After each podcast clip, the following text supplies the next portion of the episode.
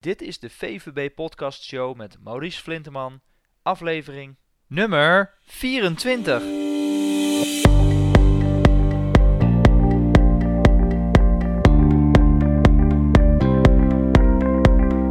Welkom bij de VVB Podcast Show, waarin je luistert naar experts die je voorzien van de beste informatie, tips en tricks om het rendement op je vermogen te optimaliseren. Vandaag gaan we in gesprek met Marja Harijfan. Marja heeft veel ervaring als private banker en vermogensplanner. Met de adviesmethodiek persoonlijke financiële stijlen geeft zij meteen diepgaand inzicht in de financiële persoonlijkheid van mensen met als doel betere financiële beslissingen en resultaat.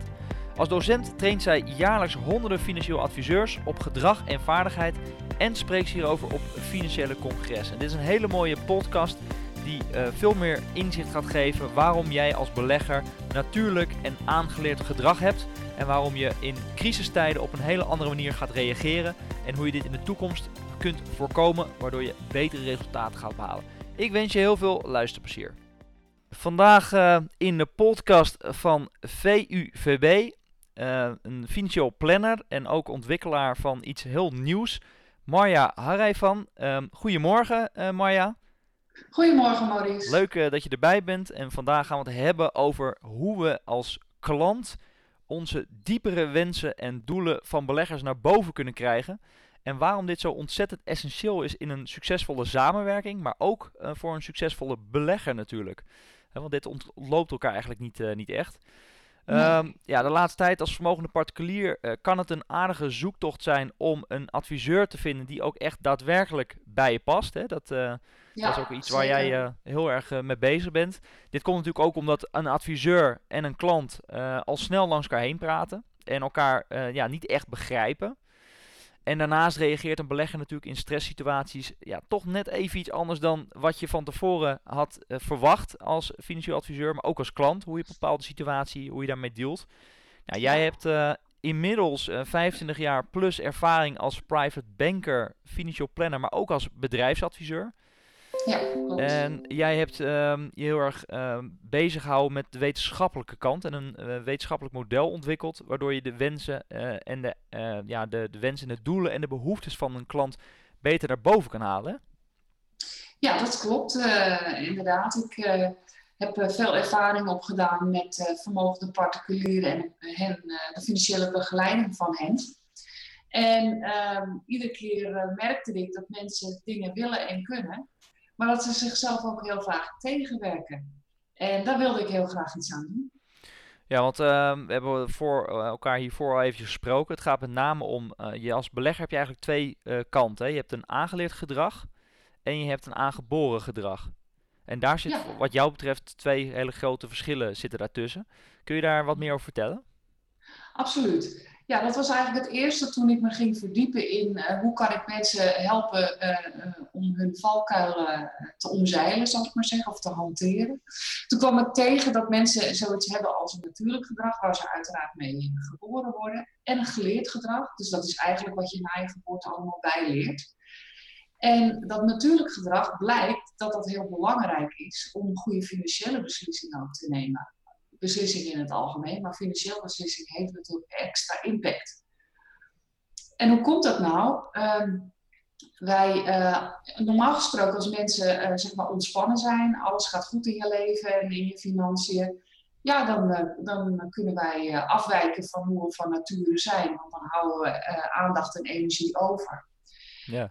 maar als wij onder stress komen te staan, bijvoorbeeld door een beurskracht, een economische crisis, maar ook meer een persoonlijke sfeer. Bijvoorbeeld ziekte, overlijden in je omgeving of uh, nou ja, zakelijke problemen. Dan komen we onder stress te staan en dan keren wij weer terug naar ons natuurlijk gedrag. En dat maakt dat mensen soms onder stress anders reageren dan ze zelf hadden verwacht, maar vooral zoals de omgeving had verwacht. Er zit dan weer die uh, contactstoornis mogelijk met de adviseur. Ja, En normaal is het zo, je krijgt vanuit de vermogensbeheerder, krijg je als particuliere belegger, krijg je een vragenlijst. En die vragenlijst probeer je natuurlijk naar eer en geweten, probeer die in te vullen. En ook naar waarheid in te vullen, want dat helpt je natuurlijk als, als belegger, als, als klant word je dan geholpen door de adviseur als het goed is. Alleen jij zegt eigenlijk van ja, die lijst die is zeker, brengt het natuurlijk iets in kaart. Hè, want het zegt iets over hoe jij acteert. Maar jij zegt eigenlijk van joh, dat is meer het aangeleerde gedrag wat je daar meet. En op het moment dat er zo'n uh, situatie als 2008 zich voordoet, hè, de, een, een, een, crisis, ja, dan gaat de klant in een stresssituatie waarschijnlijk terechtkomen, waardoor hij heel anders gaat reageren dan dat hij bij de vermogensbeheerder op de vragenlijst heeft ingevuld. Ja, dat klopt. Inderdaad, vragenlijsten zijn vaak gericht op uh, geleerd gedrag. Of uh, misschien is het nog duidelijker om te zeggen op hoe je er nu op dit moment over denkt. En uh, ja, dat kan morgen anders zijn als je iets meemaakt wat, wat voor jou nou ja, van invloed is. dus je situatie verandert en wat je leert en afleert verandert. dus wat dat betreft zijn dat soort vragenlijsten wel belangrijk voor dit moment. Hoe kijk je op dit moment naar je situatie? Maar daarnaast is het erg belangrijk dat je ook uh, ja, zelfkennis hebt hè, als, als belegger. Van waar zitten nou mijn sterktes en valkuilen op financieel gebied in het algemeen. Ja. Maar ook dat die adviseur dat van jou begrijpt en, jou daar en daar ook duidelijk op inspeelt. Ja, en daar, daar zit natuurlijk de crux, hè? want dat is eigenlijk het, hetgeen wat, uh, wat lastig is om uh, je klant dan ook accountable te houden en te zeggen van ja, we hebben dit vooraf zo afgesproken. Um, maar goed, even terug op jouw model, want uh, jij hebt dus een model ontwikkeld wat ervoor zorgt dat je dus het natuurlijk gedrag meet en dat, en dat je eigenlijk een soort van stel per klant opmaakt van nou in, in stresssituatie is, ben jij een, een, een natuurlijk persoon die op die manier zeg maar, zou reageren op een bepaalde situatie? Um, kun je misschien wat meer uitleggen hoe je dat dan onderzoekt en hoe, je dat dan, hoe een klant dat kan, zou kunnen helpen? Uh, ja, oké. Uh, hoe, ik dat hoe ik dat doe, dat is online. Uh, waarom? Omdat als je online in je eigen omgeving thuis vragen kunt beantwoorden uh, die leiden tot uh, het in kaart brengen van jouw financiële stijl, je persoonlijke financiële stijl, zoals ja. ik dat noem. Dan, um, ja, dan, dan, ben je dus in je eigen omgeving, dan word je minimaal beïnvloed door anderen. En um, die vragenlijst is zo uh, samengesteld dat je automatisch bij je natuurlijk gedrag uitkomt. Dus dat is het, het hoe. Hè? Dus het is heel plat geslagen. Is het, ik stuur een link aan mensen daar klikken ze op. Ze komen bij een vragenomgeving. Ze beantwoorden in 10 tot 15 minuten de vragen. En ze krijgen vervolgens per mail op één A4'tje slechts samengevat hoe ze van nature uh, met geld omgaan. En uh, je tweede vraag was ook weer. Nou, uh, wat, wat ik me daarbij afvraag, want je hebt dan zeg maar als klant zijn, dan weet je dus in 10 à 15 minuten meer over jezelf eigenlijk. Nou, dat vergt ook nog een enige uitleg.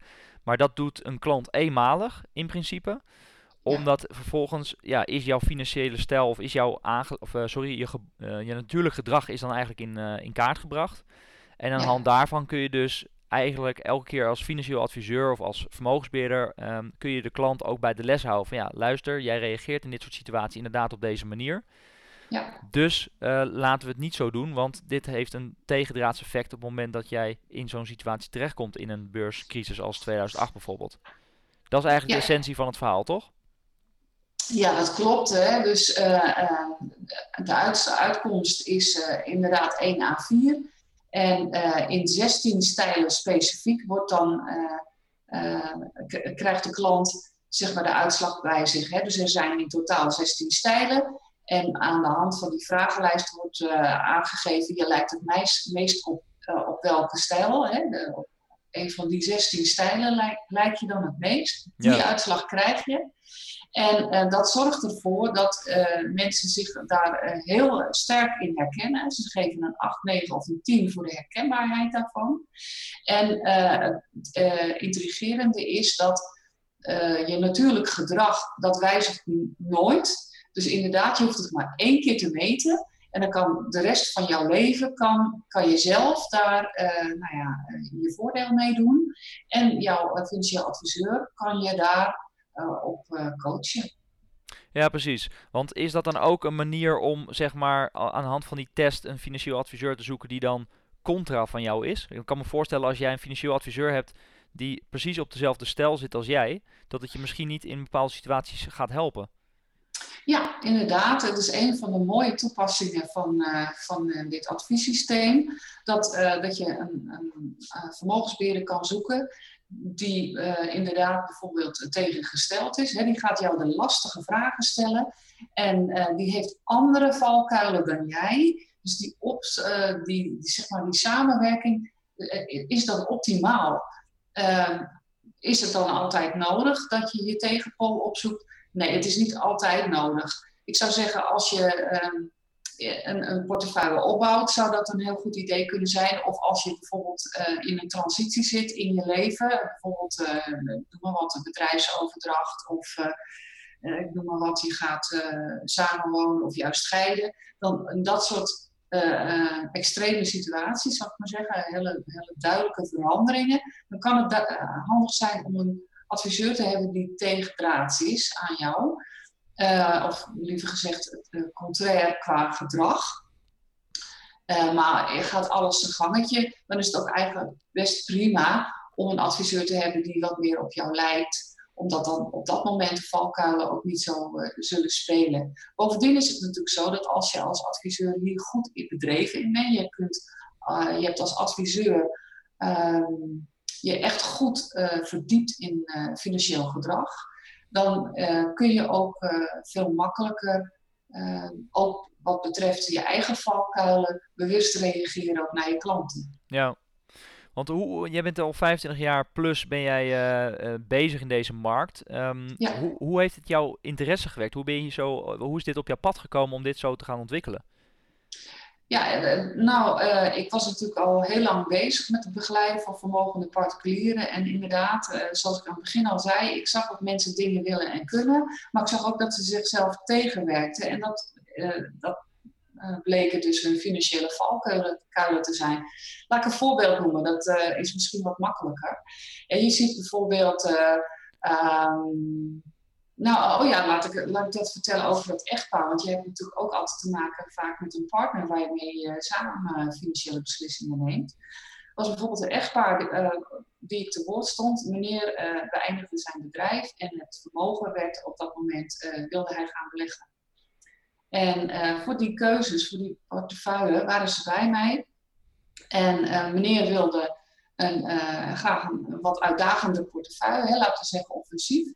Terwijl ik aan mevrouw uh, dezelfde vragen stelde en zij eigenlijk aangaf van ja, hey, uh, ik vind het eigenlijk uh, veel prettiger om wat minder um, risico te nemen. wat bleek nou, door, door die financiële stijl maar werd dat meteen duidelijk. En um, deze mensen waren al meer dan 30 jaar met elkaar getrouwd. Maar meneer besefte dat niet, dat mevrouw zo over risico dacht. Uh, ze hebben daarover nagedacht en uiteindelijk hebben ze uh, een, een, mooie keus kunnen maken.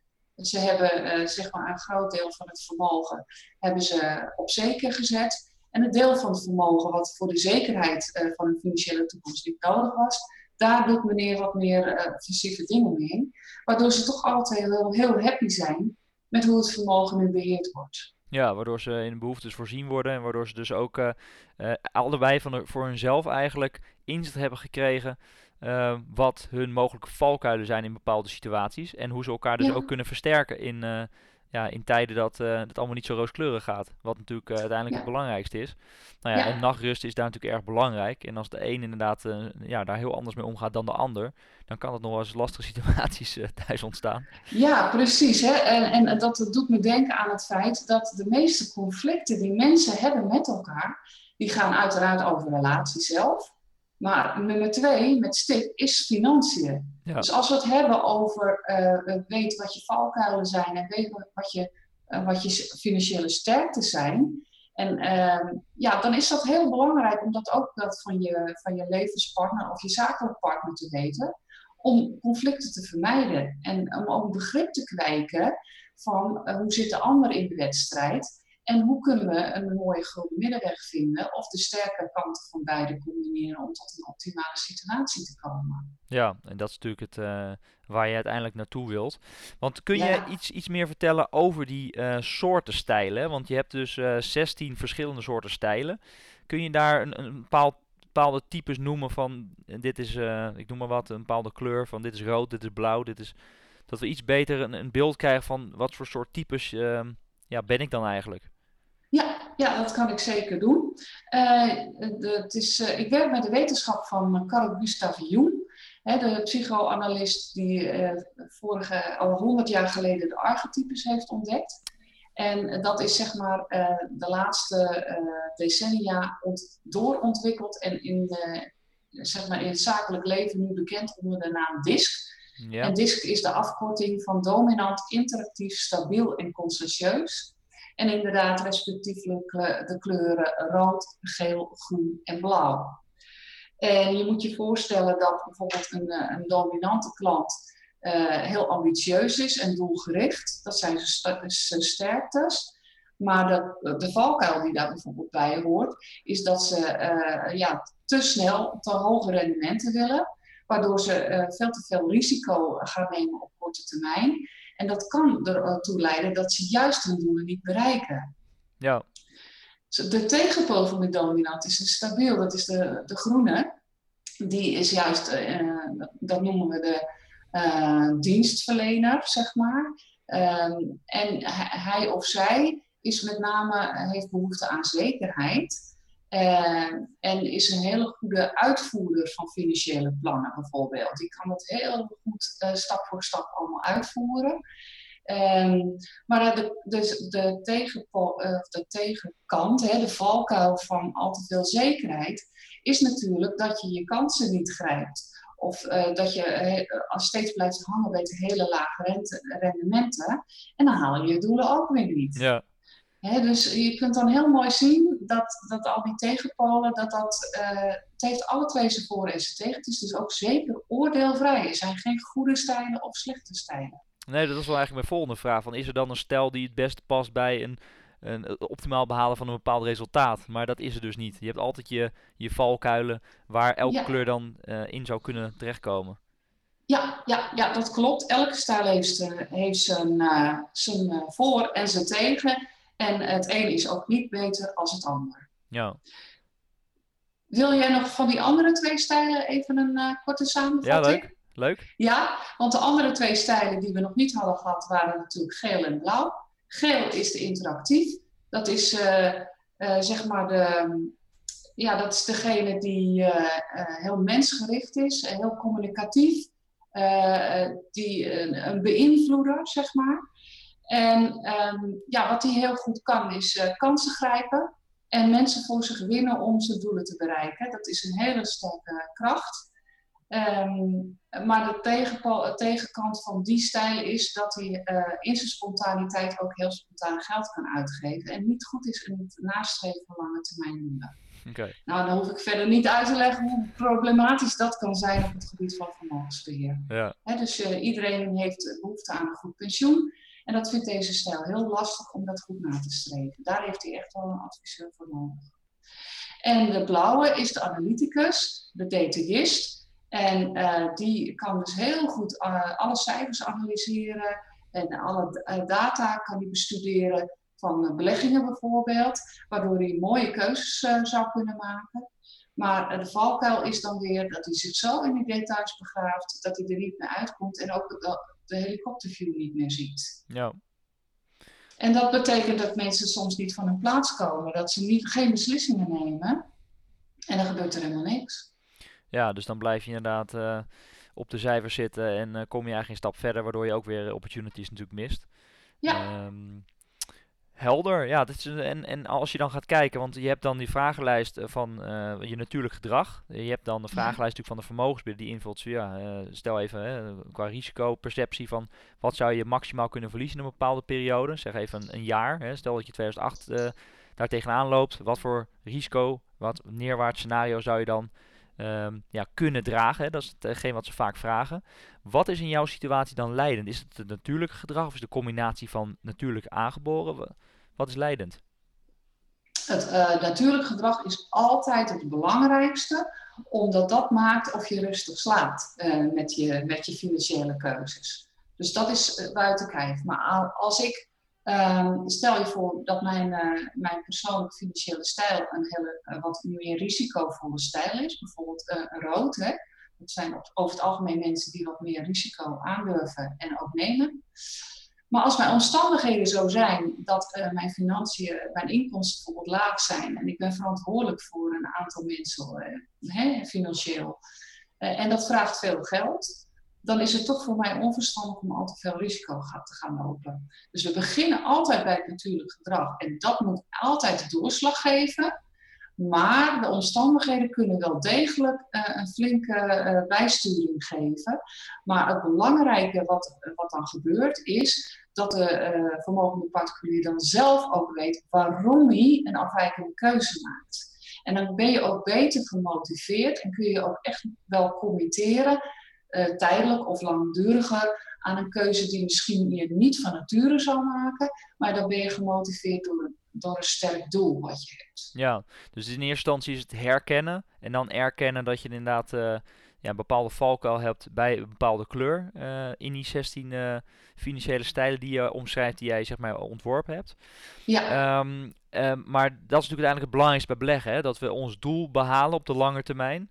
En dat gaat bij veel beleggers gaat het nog als het ene oor in het andere oor uit. Hè? En dat is best wel gek. In, in Nederland is het bijvoorbeeld zo dat je als, als je een hypotheek wil afsluiten, heb je vaak een adviseur ervoor nodig, omdat je een onderbouwing nodig hebt. Nou, met een verzekering heb je dat vaak ook. Alleen beleggen kun je vrij gemakkelijk zelf beginnen. Is laagdrempelig. Maar er worden dan ook heel veel fouten meegemaakt, terwijl er toch heel veel op het spel staat voor de meeste beleggers in ieder geval. Um, daarom denk ik dat de rol van de adviseur, of vind ik dat de rol van de adviseur uh, erg belangrijk is bij elke belegger. Hè, dat je een toegevoegde waarde kan, kan hebben voor die klant. Want als je kijkt naar Amerika, uh, dan zie je dat uh, um, veel meer. Hè, dat een adviseur, of een, een, derde adviseur, of een financieel onafhankelijk adviseur, een belegger bijstaat. Waarom is dat nog mhm. niet zo bekend in, in Nederland? Of waarom maakt een Nederlander daar niet gebruik van? Heeft dat te maken met zijn financiële stijl of zijn natuurlijk gedrag? Of waar heeft dat mee te maken, denk jij? Um, ja, waar heeft dat mee te maken? Um, ja, ik denk dat het ook een, voor een groot deel cultuur is. In Amerika is het al heel lang uh, uh, gebruikelijk dat je je beleggingen onderbrengt bij een adviseur die dat beheert. En in Nederland is dat wat minder. Natuurlijk hebben we ook wel wat een en ander aan uh, hoe heet het, schade opgelopen rondom vertrouwen. Hè, door wat, wat het een en andere, nou ja, de schandalen die er in de, in de, financiële wereld zijn geweest. Dus dat, dat speelt ook een rol.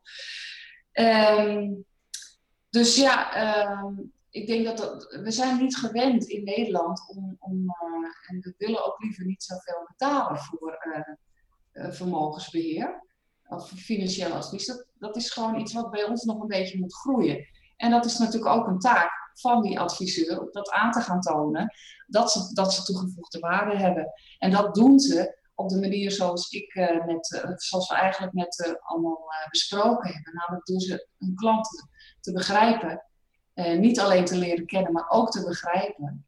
En vervolgens die klant inzicht te geven in zichzelf, zijn financiële valkuilen en sterktes. En daarop te sturen, zodat de klant sneller meer doelen gaat bereiken. En dan zal die klant ook gemotiveerd zijn om te betalen voor het advies, omdat het advies zichzelf terugbetaalt in de meeste gevallen. Ja, en dat is natuurlijk het belangrijkste, waardoor er een belegger verder komt en uh, ja, je als financieel adviseur ook echt een toegevoegde waarde hebt. En dat uh, biedt dit model natuurlijk ook uh, niet alleen voor de klant dus een toegevoegde waarde in zijn eigen gedragingen tijdens bepaalde crisisperiodes, maar ook voor een financieel adviseur om betere inzicht te krijgen in je klant, om meer raakvlakken te hebben met je klant en je klant gewoon beter te begrijpen. Want het is niet, ja. je, bent, je bent, ik ben, denk niet de eerste, je hebt, geeft ook veel cursussen, uh, cursus aan mensen die ook zeggen van ja, ik heb het gevoel dat ik langs mijn klant heen praat. Ik heb het gevoel dat mijn klant me niet verstaat. Ik, we spreken een andere taal. En daarbij ja. kan jij ze dan ook met dit model kun je ze eenmalig eigenlijk ja, inzicht geven. En dat is dan eigenlijk levenslang helpt het hen om ja, die stap wel te kunnen zetten. Ja, om elkaar te vinden en maximaal bij te staan. Dat klopt. Ja, leuk. Heel, heel interessant. Ik vind het een heel mooi vooruitgang. Want ehm, ja, we zijn ook vanuit de, de wetgever, de AFM, die is heel erg aan het toezien ook op het beter in kaart brengen van de klant. Hè. Dat noemen ze klant in beeld. Ja, En, en dat is zo ontzettend belangrijk, omdat in het verleden te weinig werd gedaan, waardoor sommige klanten in bijvoorbeeld een offensief profiel terechtkwamen bij een vermogensbeheerder, terwijl die misschien wel een hele defensieve klant was. Ja, en door, door dit soort ontwikkelingen, door dit soort vraagstukken neer te leggen bij de uh, belegger zelf, maar ook bij de partner van de belegger, krijg je uiteindelijk veel meer inzicht als klant, maar ook als adviseur. Dus dat is een hele mooie uh, toevoeging, denk ik. Heel interessant. Um, en als laatste, uh, Marja, want ik ben altijd heel erg benieuwd. Jij zit al best wel lang in die business, uh, zoals we het net al over hadden. Um, mm -hmm. Wij sluiten altijd af met de belangrijkste inzicht slash levensles die jij hebt gehad in die werkzame jaren dat jij in die business hebt gezeten als financieel planner. Kun je, kun je daar een, een mooie tip weggeven aan de luisteraar? Ja, zeker. Ik, eh, ik heb er twee. En de eerste is financiële beslissingen die onder alle omstandigheden goed uitwerken. Die neem je op basis van je persoonlijke financiële stijl. Nou, mijn tweede tip is: heb je financiële valkuilen helder en gebruik bij vermogensbeheer altijd je verstand en je gevoel, niet één van beide. Nee, dat is een, een hele belangrijke, want uh, het is vaak één van de, van de twee inderdaad. En dan, uh, ja, dan is het uh, dit is niet handig. En daar kan natuurlijk een financieel adviseur je ook goed bij helpen. Door als jij heel veel op je gevoel doet dat iemand met ratio ernaast staat. Doe je heel veel met ratio. Ja, dan is het iemand die ja. er uh, op het gevoel wijst. natuurlijk ook een goede. Hartstikke bedankt voor, voor de interessante tips, Maya. heel zinvol denk ik voor een belegger ook om meer zelfinzicht te krijgen. En nou ja, mochten ze meer van jou willen weten, dan kunnen ze natuurlijk naar onze website gaan, waar ook een link naar jouw website weer staat, waar ze alles over jouw financiële, persoonlijke financiële stijlen kunnen vinden. Uh, nogmaals hartelijk bedankt en ik hoop je in de toekomst uh, nog een keer te mogen uitnodigen over dit hele interessante onderwerp, de klant in beeld te krijgen. Graag gedaan en heel graag tot ziens. Ja, zeker. Tot ziens. Tot ziens. Bedankt weer voor het luisteren naar onze VFB-podcast met Marja Harij van. Een hele interessante podcast waarin je veel hebt geleerd over aangeleerd en aangeboren gedrag. Wat absoluut een uh, deel gaat meespelen in jouw beleggingskeuzes die je gaat doen in de toekomst. Wil jij meer over haar weten als klant of als vermogensbeheerder? Ga dan even naar onze website vuvb.nl 24. Ik herhaal vuvb.nl 24. Daar vind je de link naar haar website en kun je met haar in contact komen. Mocht jij nou meer willen weten over jouw beleggingsportefeuille, heb jij nou zoiets van ja, ik wil eens weten hoe mijn aangeleerd gedrag versus mijn aangeboren gedrag is en hoe je daarmee omgaat in de toekomst in jouw portefeuille? Wil je weten hoe jouw prestaties zijn over het afgelopen jaar of alle andere vragen met betrekking tot jouw beleggingen? Ga dan even naar onze website vuvb.nl slash beleggen. Ik herhaal vuvb.nl slash beleggen. Laat je contactgegevens achter en wij nemen zo snel mogelijk contact met je op om de situatie van jou te bespreken. Ik hoop dat je de volgende keer weer bij bent. Ik hoop dat je genoten hebt van deze podcast. En uiteraard tot de volgende keer.